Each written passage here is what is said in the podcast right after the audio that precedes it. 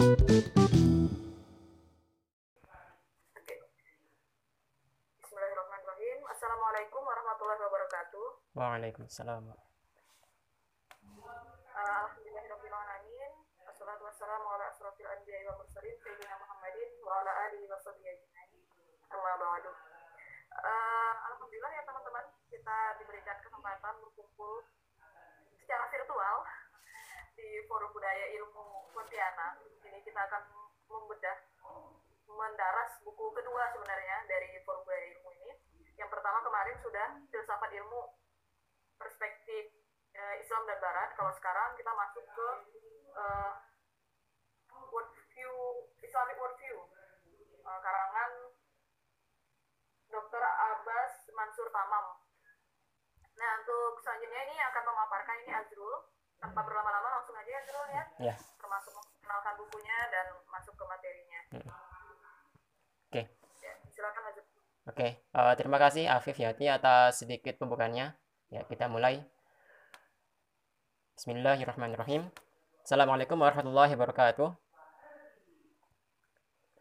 Alhamdulillah, assalatu wassalamu ala rasulillah wa ala alihi wa sahbihi wa man walah wa la hawla wa la quwwata illa billah.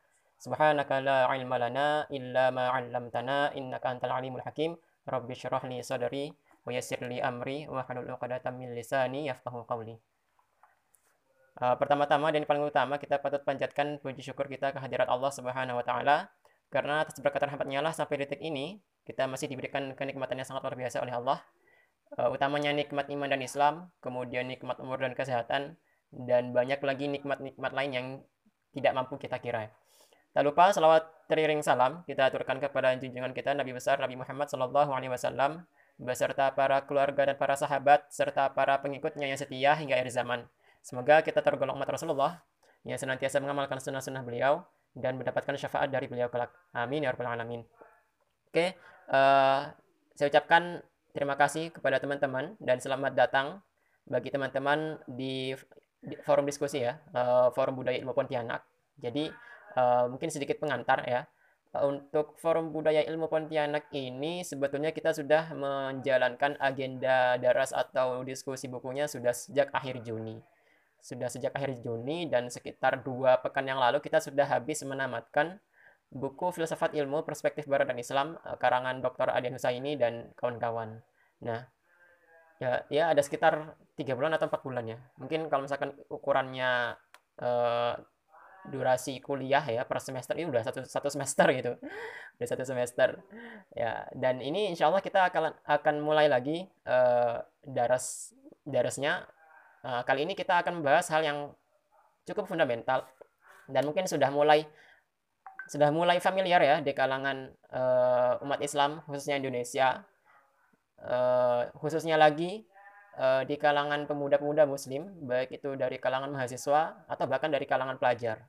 Nah, seperti yang sudah ini ya yang sudah disampaikan oleh saudari Afif tadi, uh, insya Allah kita malam ini bakalan mengawali diskusi kita uh, terkait dengan uh, Islamic worldview, uh, paradigma intelektual Muslim. Tapi kalau misal uh, sebelum lebih lanjut kita daras ya terkait buku ini, ada beberapa hal yang mungkin perlu teman-teman ketahui dan teman-teman teman-teman pahami ya, uh, bahwasanya buku ini uh, dikarang yang dikarang oleh Dr. Abbas Mansur Tamam ya, uh, ketika menjelaskan tentang Islamic worldview ya, uh, mungkin teman-teman di sini yang mungkin sudah cukup familiar atau bahkan sudah uh, familiar dengan kajian-kajian pemikiran uh, di luar sana mungkin uh, ketika mendengarkan kata worldview atau Islamic worldview atau the worldview of Islam teman-teman akan teringat dengan bagaimana uh, salah satu cendekiawan muslim berpengaruh di abad ini uh, Profesor Rashid Muhammad Wakib Alatas uh, mengemukakan uh, gagasannya terkait dengan uh, worldview Islam atau the worldview of Islam. Nah, tapi uh, walaupun memang temanya atau judul bukunya ini adalah Islamic Worldview, uh, paradigma intelektual Muslim. Buku ini sebetulnya uh, ditulis oleh uh, lulusan uh, Al Azhar Kairo Mesir ya. Jadi uh, nanti kalau misalkan teman-teman melihat isi bukunya, mungkin uh, jangan heran kalau corak ya, corak pembawaannya ketika kita membaca buku tersebut itu sangat-sangat azhari banget nah gitu. Bahasanya seperti itu. Nah, yang sangat azhari banget tetapi itu tidak mengurangi esensi kita ya dalam membahas atau mendaras atau mendiskusikan uh, Islamic worldview ini ya uh, pandangan hidup Islam kalau kita bahasakan uh, ke dalam bahasa Indonesia ya. Kalau kita bahasakan ke dalam bahasa Malaysia itu pandangan alam Islam. Nah apa itu Islamic worldview? Nanti kita akan bakalan uh, lebih lanjut membahas di situ. Nah termasuk juga kita akan uh, mendiskusikan juga bagaimana uh, para ulama dan intelektual Muslim mendefinisikan uh, worldview Islam itu sendiri dan apa kaitannya dengan uh, diskursus keilmuan di Barat ketika membahas tentang worldview ya. Jadi uh, sebetulnya istilah worldview di sini uh, walaupun dalam bahasa Inggris ya uh, itu uh, istilahnya worldview, tetapi sebetulnya itu didatangkan dari istilah Weltanschauung, ya, Weltanschauung dari uh, Jerman. Nah itu mungkin nanti kita bakal uh, bahas lebih dalam lagi. Nah kalau misalkan uh, ini kita buka ya, kita buka buku ini dengan membahas uh, pengantarnya. Jadi ya ibarat ketika kita membaca sebuah paper ya atau mungkin membaca sebuah karya tulis uh, selayaknya ya kita mengawalinya ya, uh, dari kalau kita baca paper itu kan uh, dari judul kemudian abstrak ya kemudian kesimpulan baru nanti uh, bisa kita cek lebih detailnya di apa latar belakang dan seterusnya tapi kalau misalkan ketika kita membaca buku ya sebaiknya memang harus kita pahami alurnya itu dari awal. Ya, dari mana? Dari uh, pengantarnya atau latar belakangnya. Nah, kenapa? Karena dari situlah kita akan melihat secara runut alur berpikir uh, penulis. Nah, latar belakangnya ketika beliau menulis ini apa sih dan apa kaitannya dengan uh, kondisi sekarang ini. Nah, seperti itu. Ya. Jadi uh, kita awali dari dari pengantar dulu ya, dari pengantar. Dan ini sebenarnya pengantarnya ini ada cukup ya ada dua sampai tiga pengantar ya. Nah, nah di sini diawali eh, pengantar tentang wasatiyah Islam. Jadi eh, mungkin teman-teman cukup familiar ya dengan gagasan wasatiyah ya.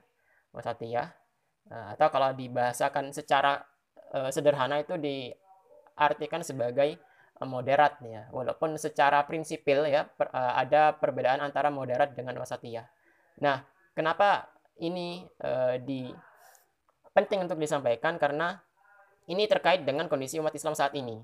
Ya, mungkin kita bakalan mengawalinya dengan bagaimana kondisi umat Islam uh, sejak dua abad terakhir atau bahkan tiga abad terakhir. Nah, tiga abad terakhir itu kekuasaan umat Islam berpusat di uh, Kesultanan Utsmani ya.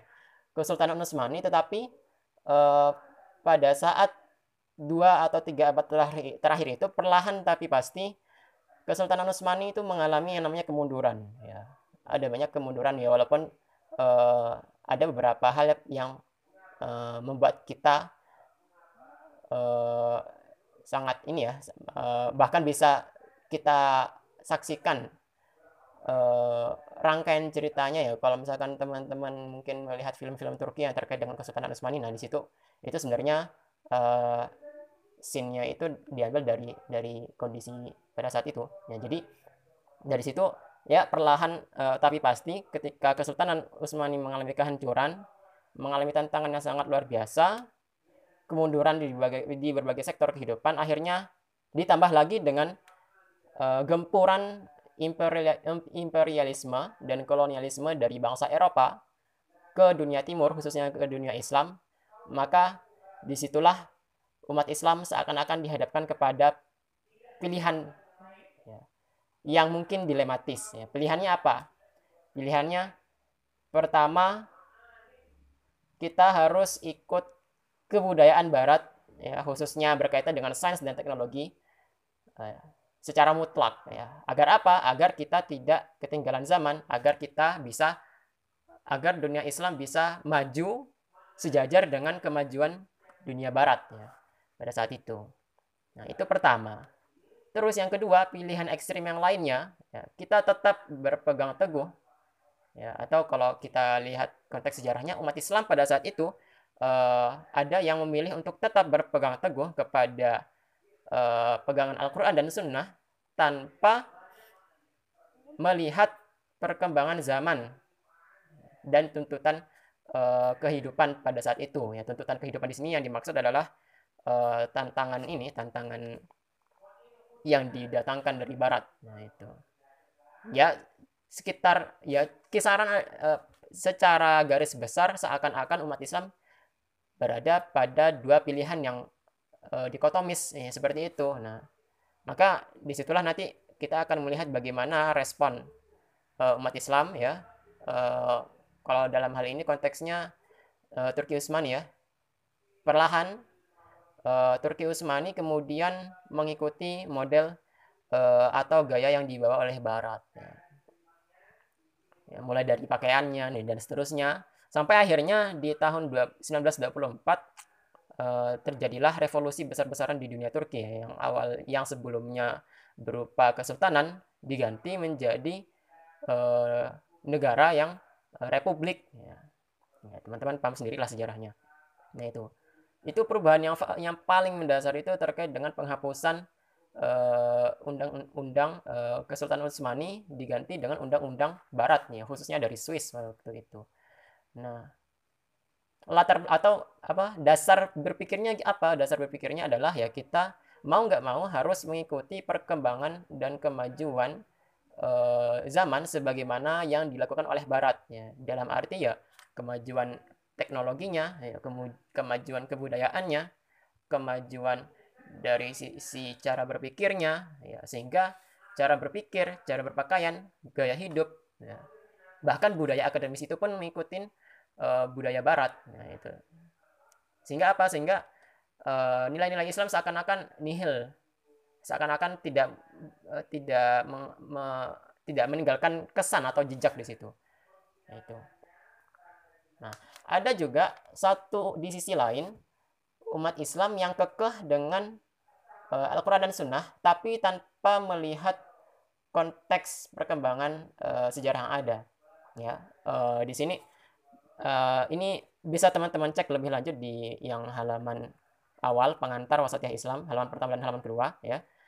Ya umat Islam di sisi lain ada yang lebih kekeh memegang Al-Quran dan Sunnah tanpa melihat konteks perkembangan uh, zaman ya alasannya apa alasannya uh, ya memang di sini alasannya benar sih bahwa uh, generasi terbaik umat Islam adalah generasi sahabatnya, kemudian generasi tabi'in, kemudian generasi tabi'ut tabi'in, ya.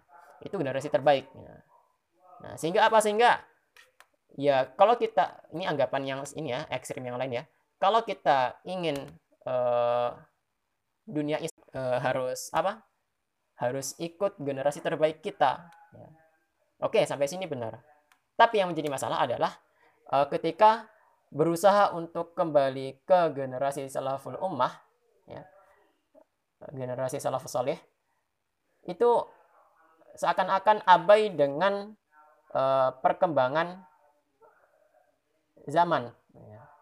Seakan-akan tidak mau melihat realita yang ada di sekelilingnya ya. sehingga yang terjadi apa ada kesan bahwa ajaran Islam ini adalah ajaran yang jumut ya.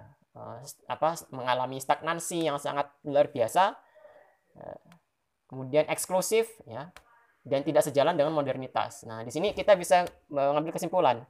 Di satu sisi ada sekelompok umat Islam yang uh, kita katakan dia ingin mengikuti perkembangan zaman agar tidak ketinggalan dengan dunia barat ya sehingga mengalami kemajuan.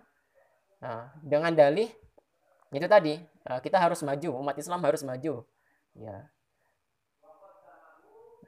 yang dasarnya juga itu mengambil pandangan uh, Islam itu kan soleh likuli zaman memakan. Nah, Islam itu kan uh, sesuai dengan perkembangan zaman dan tempat. Nah, dari situ apa ketika melangkah lebih jauh itu ternyata mulai terlihat bagaimana ajaran-ajaran Islam itu kemudian dikontekstualisasikan uh, tanpa melihat hakikat ajaran Islam itu sendiri. Ya, contohlah di Mesir itu sempat ada gerakan tahrirul tahrirul mar'ah, tahrirul mar'ah. Ya, gerakan pembebasan perempuan.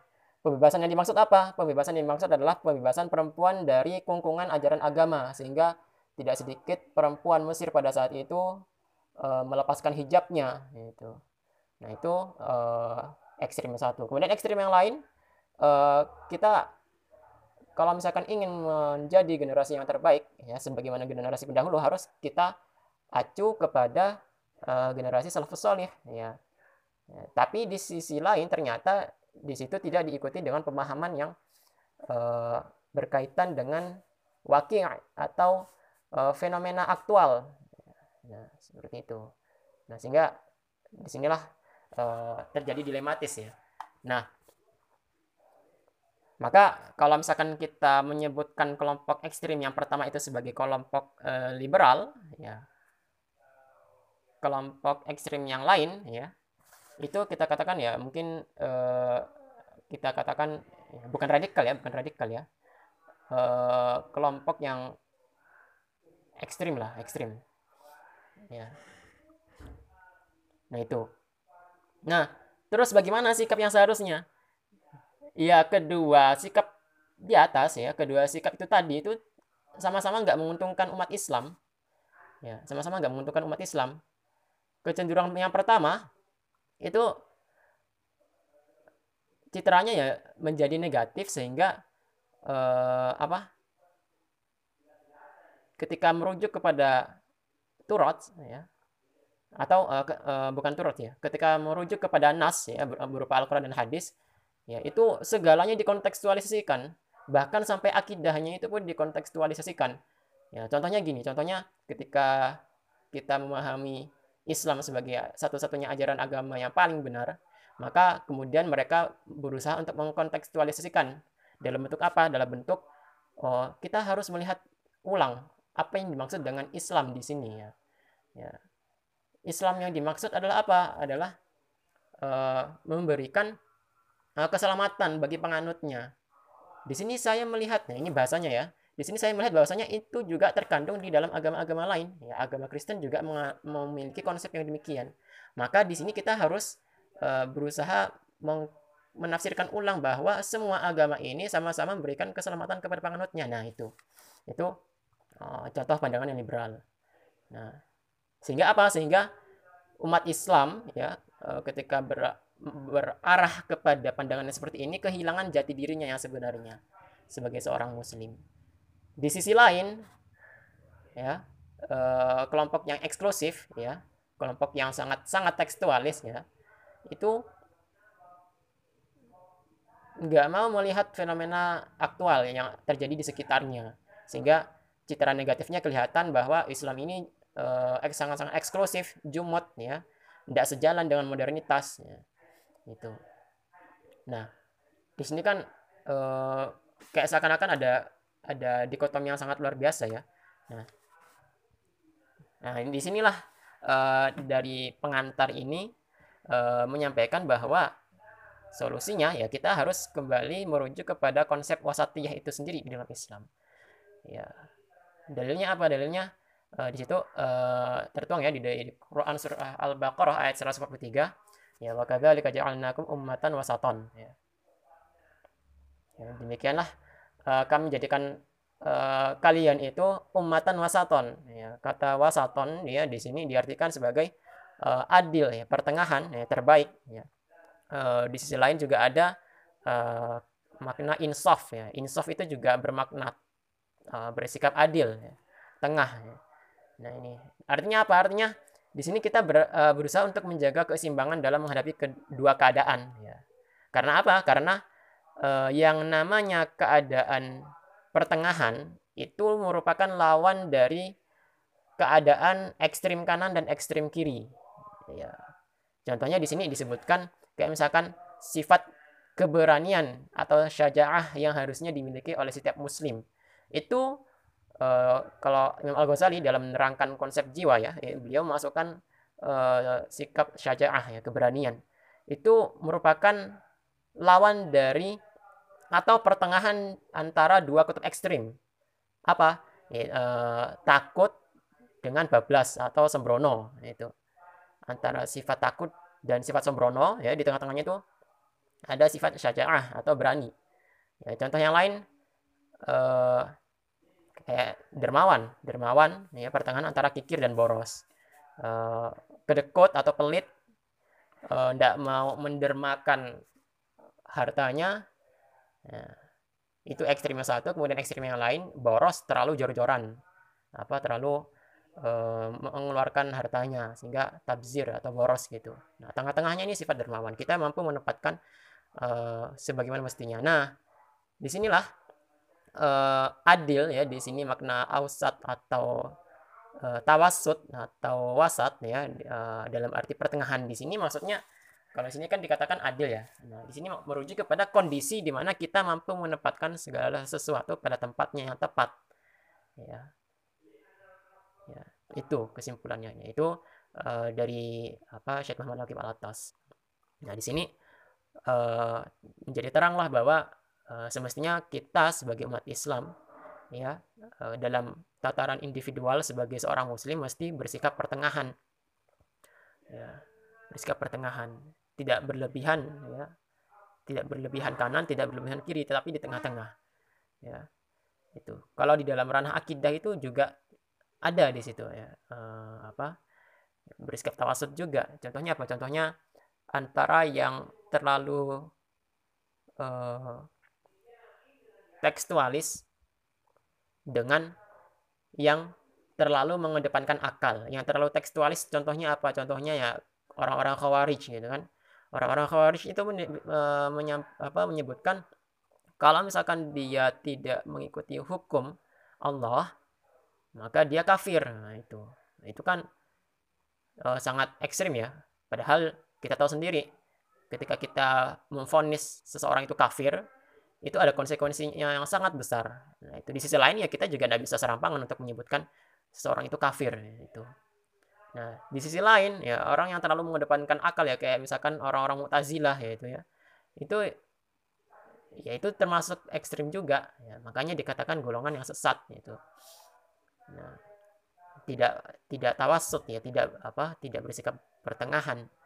Nah, di sinilah uh, sebetulnya di sini sebetulnya kalau misalkan kita melihat lagi ke dalam konteks negara kita di Indonesia itu dari Majelis Ulama Indonesia khususnya ya Majelis Ulama Indonesia kemudian juga di apa dilakukan oleh Kementerian Agama Republik Indonesia itu juga sebetulnya uh, sudah tepat ketika menggembar-gemborkan uh, apa wasatiyah Islam ya artinya uh, ayo kita uh, ketika beragama itu harus bersikap pertengahan ya tidak terlalu ekstrim uh, dalam melihat nas Al-Quran dan hadis, tapi juga tidak terlalu ekstrim dalam mengkontekstualisasikan. Nah, itu. Ya. Sebetulnya teman teman-teman mungkin selepas ini bisa cek lagi ya, bagaimana kriteria kemenak dalam menentukan uh, seseorang apakah itu ekstrim atau tidak. Nah, paham liberal ya, ya. Paham liberal ya. Atau kalau kita merujuk kepada sebuah gerakan itu gerakan Islam liberal itu juga merupakan uh, pandangan ekstrim ya. Pandangan ekstrim bukan pandangan yang moderat ya itu. Ya, walaupun kita lihat sendiri uh, dari kalangan mereka sering menggembar-gembarkan moderat moderat moderatisme beragama bahkan diikuti juga dengan media-media uh, barat ya. ya seperti itu Nah, kemudian sekarang kita beralih ke bagaimana kita seharusnya e, bersikap tawasud ya dalam beragama. Nah, di sini penulis menerangkan e, pertama bagaimana agar kita terhindar dari sikap berhulu atau berlebih-lebihan dan yang kedua apa itu atau e, seseorang dikatakan was, bersikap tawasud ya atau wasatiyah itu ketika apa? Nah, ini di sini. Nah, sekarang kita uh, ke larangan hulu dulu hulu dalam beragama. Nah, di sini uh, penulis ya dalam hal ini yang memberikan pengantar di sini menyebutkan bahwa uh, kata wasat ya atau tengah itu memiliki makna yang baik ya. ya dengan uh, dibandingkan dengan uh, atorf ya, yang berkonotasi negatif ya. Nah, di sini. Nah, Ciri-cirinya seperti apa? E, seseorang dikatakan dahulu atau berlebih-lebihan. Pertama, terlalu fanatik terhadap salah satu pandangan. Nah, nah di sini e, mungkin teman-teman pernah mendengar bagaimana Imam Malik eh, bin Anas ya rahimahullah uh, mengatakan bahwa setiap orang perkataannya itu bisa diambil atau ditinggalkan ya, kecuali penghuni kubur ini. Nah, penghuni kubur ini yang dimaksud itu adalah uh, Rasulullah ya. Sallallahu alaihi wasallam. Nah, di sini uh, fanatisme uh, atau uh, ta'assub ya. Fanatisme golongan ini merupakan sikap yang uh, hulu ya. Menganggap uh, pandangan yang berbeda dengannya sebagai pandangan yang sesat ya. Atau kita bisa bahasakan secara sederhana orang-orang ini terlalu uh, kaku ya. Terlalu kaku dalam melihat realita. terlalu kaku dalam melihat uh, realita. Ya contohnya tadi ya bagaimana orang-orang Khawarij itu serampangan dalam memfonis seseorang itu kafir ya. Nah, itu itu termasuk bersikap ulu juga. Ya. Kemudian, nah ini ada satu fenomena menarik sebenarnya kalau misalkan teman-teman menelisik uh, sejarah umat Islam pada era Abbasiyah, utamanya di abad 4 sampai 5 Hijriah, itu fanatisme mazhab ya. Uh, fanatisme mazhab fikih itu sangat-sangat uh, merajalela. Ya utamanya pada masa Imam Al-Ghazali. Nah, waktu itu uh, orang ya mempelajari ilmu agama itu motifnya atau niatnya itu dalam rangka untuk memperoleh posisi atau jabatan atau kedudukan di pemerintahan pada saat itu. Ya sebagai mufti lah ya atau uh, sebagai seorang hakim nah itu Nah, sehingga ya itu tadi bahkan uh, ada orang yang dia itu mazhab tertentu tetapi dia berpindah mazhab yang lain dalam rangka apa? Dalam rangka untuk memperoleh posisi uh, jabatan. Nah, itu. Kemudian ada uh, ketika berbicara fanatisme mazhab itu di masa itu ya, di masa itu perkelahian antar mazhab itu seakan-akan sudah menjadi hal yang biasa. Bahkan di madrasah itu sendiri itu perkelahian itu terjadi ya bahkan sampai ada yang tewas nah itu nah itu itu uh, terjadi di di masa dinasti Abbasiyah ya. Terjadi sebelum uh, tentara salib nyerang. Nah, itu. Nah, itu uh, sikap fanatisme mazhab itu sebenarnya ya kita tahu sendirilah bagaimana. Memang tidak uh, sehat ya tidak sehat ya, di tubuh umat Islam itu sendiri. Kenapa? Karena itu akan melemahkan uh, umat Islam itu sendiri ya. akan melemahkan uh, kedudukan umat Islam itu sendiri ya ya kita capek sendiri musuh umat Islam senang-senang aja ya. ketika melihat perpecahan yang terjadi. Ya nah seperti itu. Ya. nah itu pertama. Terus yang kedua cenderung mempersulit. Nah ini tadi ya yang apa yang saya katakan uh, dia bersikap kaku ya. Karena uh, pandangannya terlalu apa terlalu ya itu tadi kaku sebetulnya ya sebetulnya kalau misalkan kita uh, ingin berpegang teguh kepada satu pendapat itu nggak masalah ya. Uh, pendapat yang ketat ya. Uh, dalam rangka kehati-hatian misalnya. Ya, itu uh, silakan saja nggak masalah ya. tapi masalahnya adalah ketika pandangan yang demikian itu kemudian dipaksakan kepada orang yang uh, apa orang yang uh, mazhabnya itu berbeda dengan dia. Nah ini nah itu itu merupakan sikap yang kurang bijak juga. Kenapa? Karena uh, dia tidak tahu uh, menempatkan sesuatu pada tempatnya. Nah itu. Oh iya ada satu lagi contohnya mungkin teman-teman familiar ya dengan contoh ini.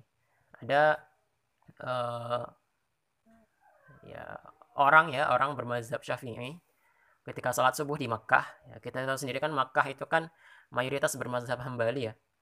Nah, itu. Kalau mazhab mazhab hambali itu kan dia ketika sholat subuh itu tidak kunut kan. Nah, tapi e, kalau mazhab syafi'i itu kan dia kunut ya. nah naasnya adalah ketika sholat berjamaah ya di Mekah ya yang jelas kan kalau imamnya bermazhab Hambali dan mayoritas penduduknya itu bermazhab Hambali sehingga ya mau nggak mau bahkan orang di luar area Hijaz itu pun harus mengikut mazhab Hambali dalam sholat gitu. Nah itu. Dalam arti itu tadi uh, kunut gitu. Apa? Nggak kunut gitu. Nah orang yang bermazhab Syafi'i ini dia ketika selesai sholat berjamaah yang di dalamnya itu ada kunut dia ngulang sholat. Kenapa? Karena nggak kunut itu. Sehingga itu tadi seakan-akan dipandang sholatnya nggak sah. Kenapa? Karena nggak kunut. Nah, maka dia ngulang sholatnya. Sholat dengan kunut. Nah itu sebenarnya nggak elok juga. Ya kita tahu sendiri lah bagaimana uh, kita melihat uh, teladan dari para sahabat dan para tabiin dalam uh, bersikap ini apa tawasud ya bersikap pertengahan. Ya kita boleh dalam hal uh, diri kita sendiri itu berpendapat berpegang teguh berpegang teguh kepada satu pendapat ini. Tetapi ketika itu berkaitan dengan orang lain ya kita tidak bisa memaksakan juga. Itu kita harus tahu sendiri harus tahu diri lah. Nah seperti itu. Nah di sini uh, penulis pengantar memberikan contoh bagaimana uh, Rasulullah ketika menyampaikan uh, kabar kepada para sahabat terkait dengan sholat berjamaah ya.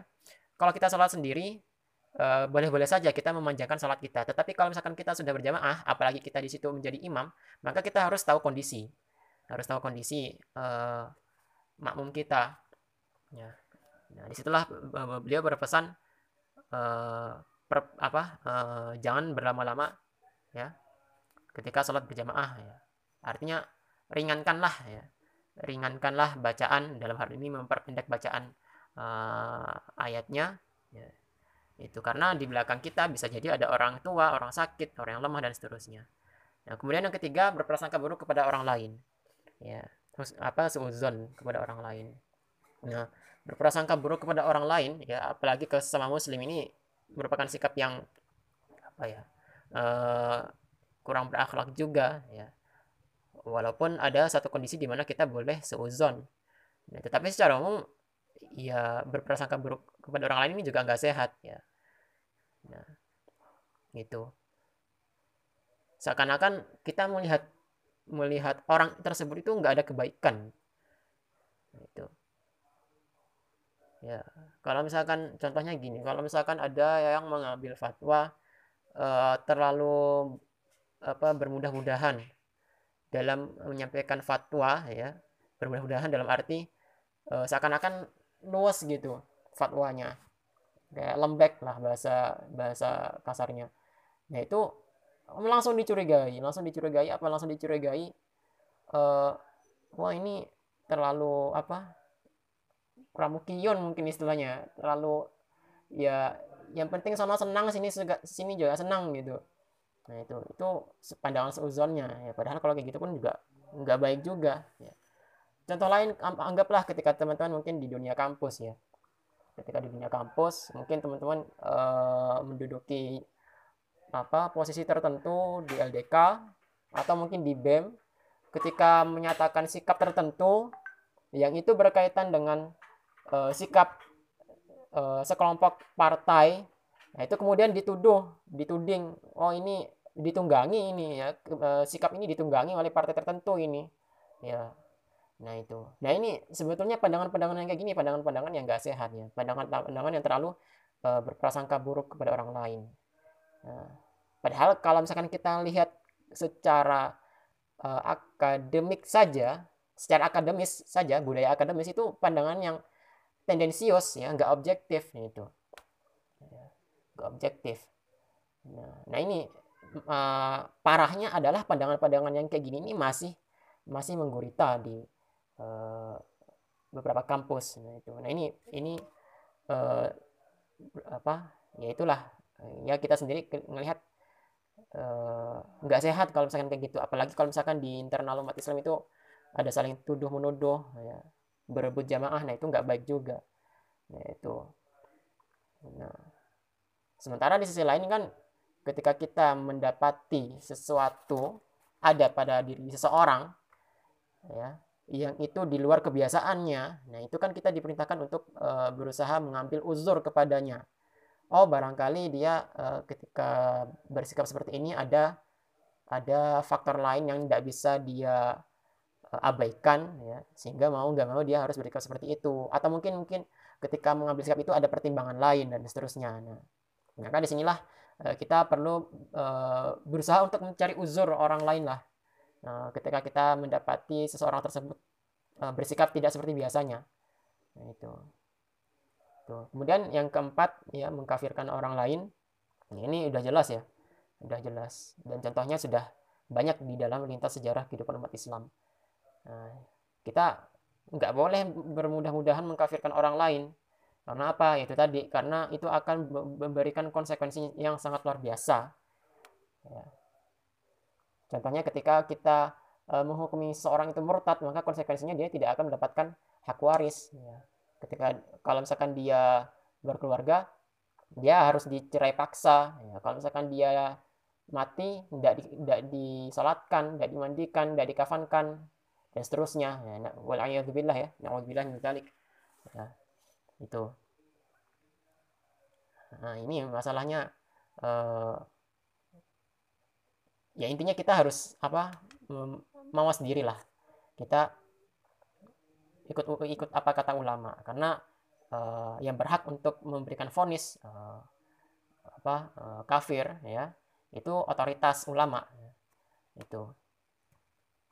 Nah terus bagaimana ciri-ciri uh, orang yang bersikap wasatiyah? Ya, atau yang bersikap pertengahan pertama adalah memahami realitas. Di sini disebutkan ada fikih al-waqi' ya fikih realita. Nah, paham paham terhadap fenomena aktual ya. Nah, al-waqi'ah ini ya fenomena aktual atau apa factual occurrence. Nah, artinya apa? Artinya ketika kita dihadapkan pada satu kondisi yang itu mungkin kita menyebutnya sebagai sebuah anomali, maka bisa saja di satu sisi kita harus uh, tidak bisa mengabaikan kondisi itu, tetapi di sisi lain kita juga tidak bisa e, begitu saja e, mengeluarkan sikap pandangan agama kita secara sangat pangan ya. Nah, di sinilah peran mufti ya, peran mufti e, itu e, berjalan. Nah, makanya terkadang antara mufti di negara yang satu dengan negara yang lain itu berbeda. Karena apa? Karena dia karena e, mufti tersebut mempertimbangkan maslahat dan mudarat yang ada pada e, wilayah tersebut ya.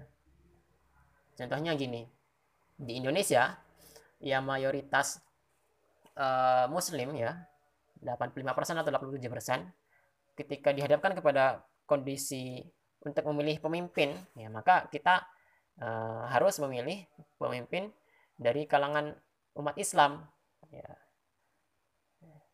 Tapi itu akan berbeda case-nya kalau misalkan contohnya ya yang baru-baru ini uh, ketika umat Islam di Amerika ya itu nah itu kan nggak mungkin hampir nggak mungkin ya hampir nggak mungkin saat ini hampir nggak mungkin uh, umat Islam di Amerika itu memilih pemimpin yang Muslim. Ya. Nah ini. Nah makanya di sini uh, perlu mempertimbangkan uh, realitas atau uh, fenomena atau kondisi terkini ya terkait dengan apa yang terjadi di wilayah tersebut. Nah, landasannya apa? Landasannya adalah di antaranya kita harus mempertimbangkan maslahat dan mudarat. Ya. Mana maslahat yang paling besar di antara dua maslahat yang baik, maka itulah kita yang ambil yang paling baik. Mana e, maslahat ya, mana e, kondisi yang di situ ternyata sama-sama mudarat. Nah, tetapi ada yang lebih besar mudaratnya. Nah, itulah yang kita hindari. Prinsipnya di antaranya seperti itu. Nah, nah, itulah yang menjadi pertimbangan bagaimana uh, mufti itu mengeluarkan fatwanya. Nah, nah itu uh, segala tindakan itu hendaknya diperhitungkan masalah dan mudaratnya secara realistis. Ya. Ya, secara realistis. Ya, itu. Atas dasar pertimbangan realistis itulah para ulama merumuskan kaidah itu tadi apa kemungkaran itu tidak boleh kalau di sini contohnya ya contohnya itu kemungkaran tidak boleh dihilangkan jika e, nahi mungkar itu melahirkan kemungkaran yang lebih besar. Nah ini juga menjadi prinsip dakwah juga ya. Ini e, juga disampaikan Imam Al Ghazali e, kalau nggak salah di kitabnya Al Iqtisad fil Iqtiqad bahwasanya ketika berdakwah itu oh bukan bukan ini deh bukan Imam Al Ghazali ya? Uh, di syarah akidah wasitiyah kalau nggak salah itu disampaikan bahwa ketika kita berdakwah itu jangan sampai ketika berdakwah itu bukan maslahat yang kita ambil tetapi malah kemudaratan yang lebih besar gitu. Nah, makanya prinsip-prinsip dakwah itu penting. Itu itu salah satunya. Nah, kemudian yang kedua, uh, memahami fikih prioritas atau fikih aulawiyat. Nah, ini mungkin teman-teman uh, yang apa di lembaga dakwah kampus ya cukup familiar ya dengan fikih aulawiyat atau mungkin teman-teman tarbiyah di sini mungkin familiar dengan istilah ini. Nah, bagaimana kita menempatkan uh, sesuatu itu pada tempatnya yang tepat? Contohnya apa? Antara sunnah dan wajib, ya, mana yang kita dahulukan? Antara mubah dan sunnah, mana yang kita dahulukan? Antara fardu ain dengan fardu kifayah, mana yang kita dahulukan? Nah, itu. Nah, masalahnya adalah saat ini realitas uh, yang terjadi di umat Islam itu seakan-akan hal-hal yang demikian itu kabur. Contohnya dalam uh, dalam mempelajari suatu ilmu. Nah, di sini kan kita melihat adanya hierarki ilmu antara ilmu yang sifatnya wajib untuk uh, individu atau fardu ain dengan ilmu yang sifatnya uh, wajib untuk sebagian orang di suatu kelompok masyarakat. Ya. Ya atau paling tidak ad, uh, at least ada satu lah yang yang mempelajari suatu ilmu tersebut di sekelompok masyarakat nah wajib itu hukumnya nah itu fardu kifayah ada ilmu yang sifatnya fardu ain ada ilmu yang sifatnya fardu kifayah. Nah fardu ain ini yang diutamakan. Nah kemudian baru fardu kifayah. Nah nah ini. Nah ini orang uh, seakan-akan kabur melihat uh, klasifikasi atau pemetaan ilmu tersebut. Seakan-akan ilmu uh, fikih sholat ya itu sama derajatnya dengan ilmu matematika. Ilmu akidah itu sama derajatnya dengan ilmu bahasa Inggris. Ya itu.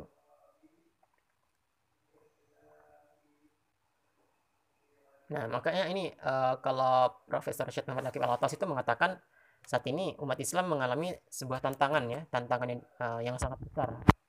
Berupa tantangan ilmu ya. Yang dimaksud tantangan ilmu itu bukan berarti umat Islam itu bodoh atau jahil bukan, tetapi tantangan ilmu yang dimaksud adalah konsep-konsep ilmu ya, hakikat-hakikat ilmu itu dibawa oleh kebudayaan barat dan di dalam konsep-konsep ilmu tersebut uh, tersimpan akan nilai-nilai yang syarat dengan kebudayaan barat itu. Jadi tadi salah satunya adalah pandangan egalitarianisme atau penyamarataan itu dari pada konteks uh, keilmuan itu semua ilmu bisa meratakan gitu. Nah, ini uh, eh, PR bersama umat Islam yaitu dan seterusnya ya dan seterusnya termasuk bagaimana kita bisa menempatkan mana yang sifatnya perkara usul mana yang sifatnya perkara furu. Ya. Jangan sampai sesuatu itu kita katakan furu tetapi itu ternyata usul atau sebaliknya. Ya. Dari sinilah kita mohon uh, petunjuk dan hidayah dari Allah. Ya, itu. Jangan sampai kita menganggap akidah itu perkara yang furu ya. kemudian uh, ijtihad ulama yang berkenaan dengan apa dengan kondisi yang itu belum tentu sama dengan kondisi di negara yang lain itu kita pandang sebagai yang usul. Nah, orang-orang liberal ini tidak mengenal yang namanya prinsip usul dan prinsip furu. Ya, buktinya apa? Buktinya ada uh, dekonstruksi syariah oleh mereka. Oh, kita haji itu nggak harus di Mekah kok oh apa menutup aurat itu nggak wajib kok nah itu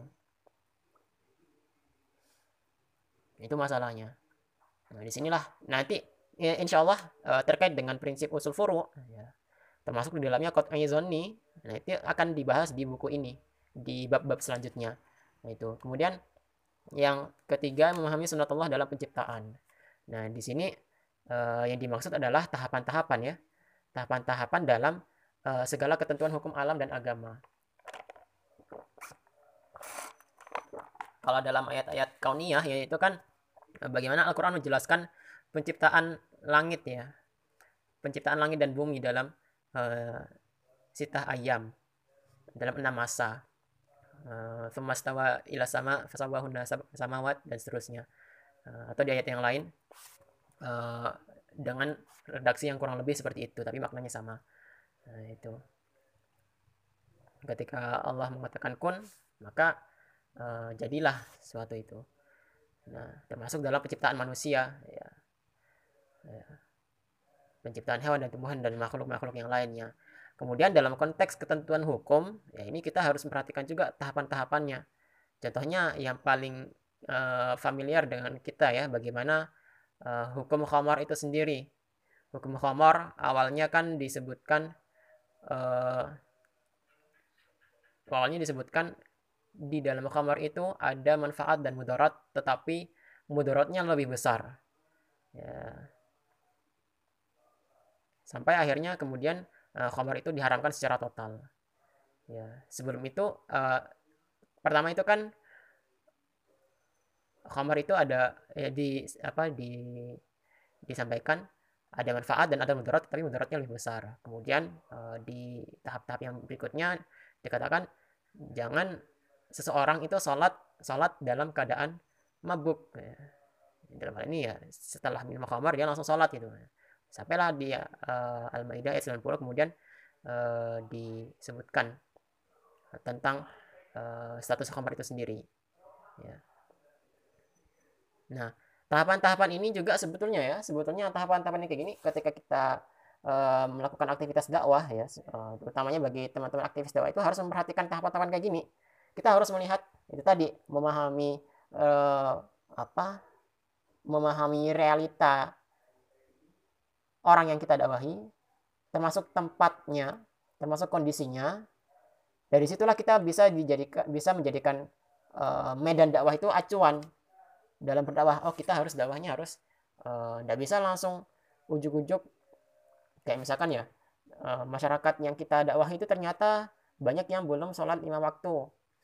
Nah itu jangan kita uh, langsung vonis oh kamu uh, kafir ini tidak sholat lima waktu. Tidak sadar akan kewajiban seorang muslim. Kafir kamu. Nah jangan. Itu itu merupakan uh, tahapan yang sebetulnya keliru. Kita berdakwah berusaha untuk mengajak kepada kebaikan tetapi malah kita menjauhkan mereka dari kebaikan. Nah itu. Itu pentingnya tahapan-tahapan itu. Bagaimana kita mengetahui tahapan-tahapan dalam berdakwah itu ya kita kita harus uh, mula-mula uh, harus paham kondisi masyarakat tersebut. Itu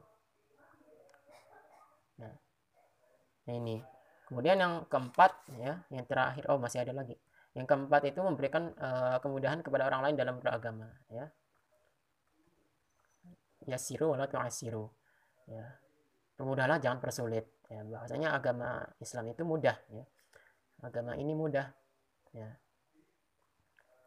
Tapi jangan terlalu bermudah-mudahan dalam beragama. Ya, kemudian yang kelima bagaimana kita perlu memahami teks keagamaan secara komprehensif ya dalam konteks meng, apa dalam konteks uh, ayat-ayat Al-Qur'an itu kan ada yang uh, mengandung asbabun nuzul kan ya. ya. Itu asbabun nuzul itu menjadi uh, komponen penting dalam menafsirkan Al-Qur'an. Jangan sampai asbabun nuzul itu diabaikan. Itu. Kemudian yang keenam uh, ada sikap terbuka atau mengedepankan dialog dan toleran. Nah, sikap wasatiyah Islam ini uh, ditunjukkan melalui keterbukaan dengan pihak-pihak lain pihak-pihak lain yang berbeda pandangan. Nah, di sinilah uh, pentingnya dialog ya, atau berdiskusi atau bahasanya uh, ngopi lah ya, ngopi atau orang-orang Jawa Timur itu nyebutnya cangkruan. Nah, itu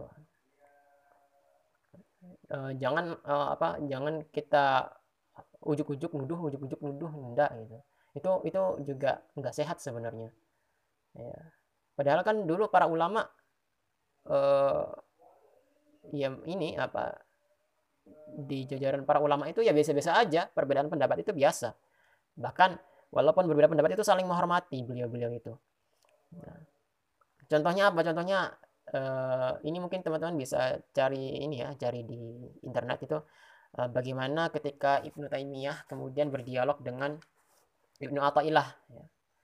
ya kita tahu sendiri lah uh, Ibnu Taimiyah itu uh, ulama yang menjadi rujukannya kelompok mana dan apa Ibnu Athaillah itu bagaimana. Nah, di sini uh, faktanya adalah antara Ibnu Taimiyah dengan uh, Ibnu Athaillah Asakandari itu saling menghormati walaupun terdapat perbedaan yang mungkin cukup tajam di antara beliau berdua. Contohnya apa? Contohnya terkait dengan uh, terkait dengan tasawuf. Utamanya terkait dengan ini terkait dengan uh, bermazhab ya, dan perkara-perkara yang lainnya itu itu beliau uh, di satu tempat di Mesir itu yaitu berdialog ya. Berdialog berdiskusi sampai akhirnya uh, beliau berdua tertawa bareng itu ya di kalangan ulama saja apa uh, dibawa santai gitu nah masalahnya di apa di kalangan umat Islam akar rumput ini ya tidak sedikit yang uh, itu tadi seuzon duluan ya. Kemudian terlalu fanatik dan seterusnya. Nah, itu.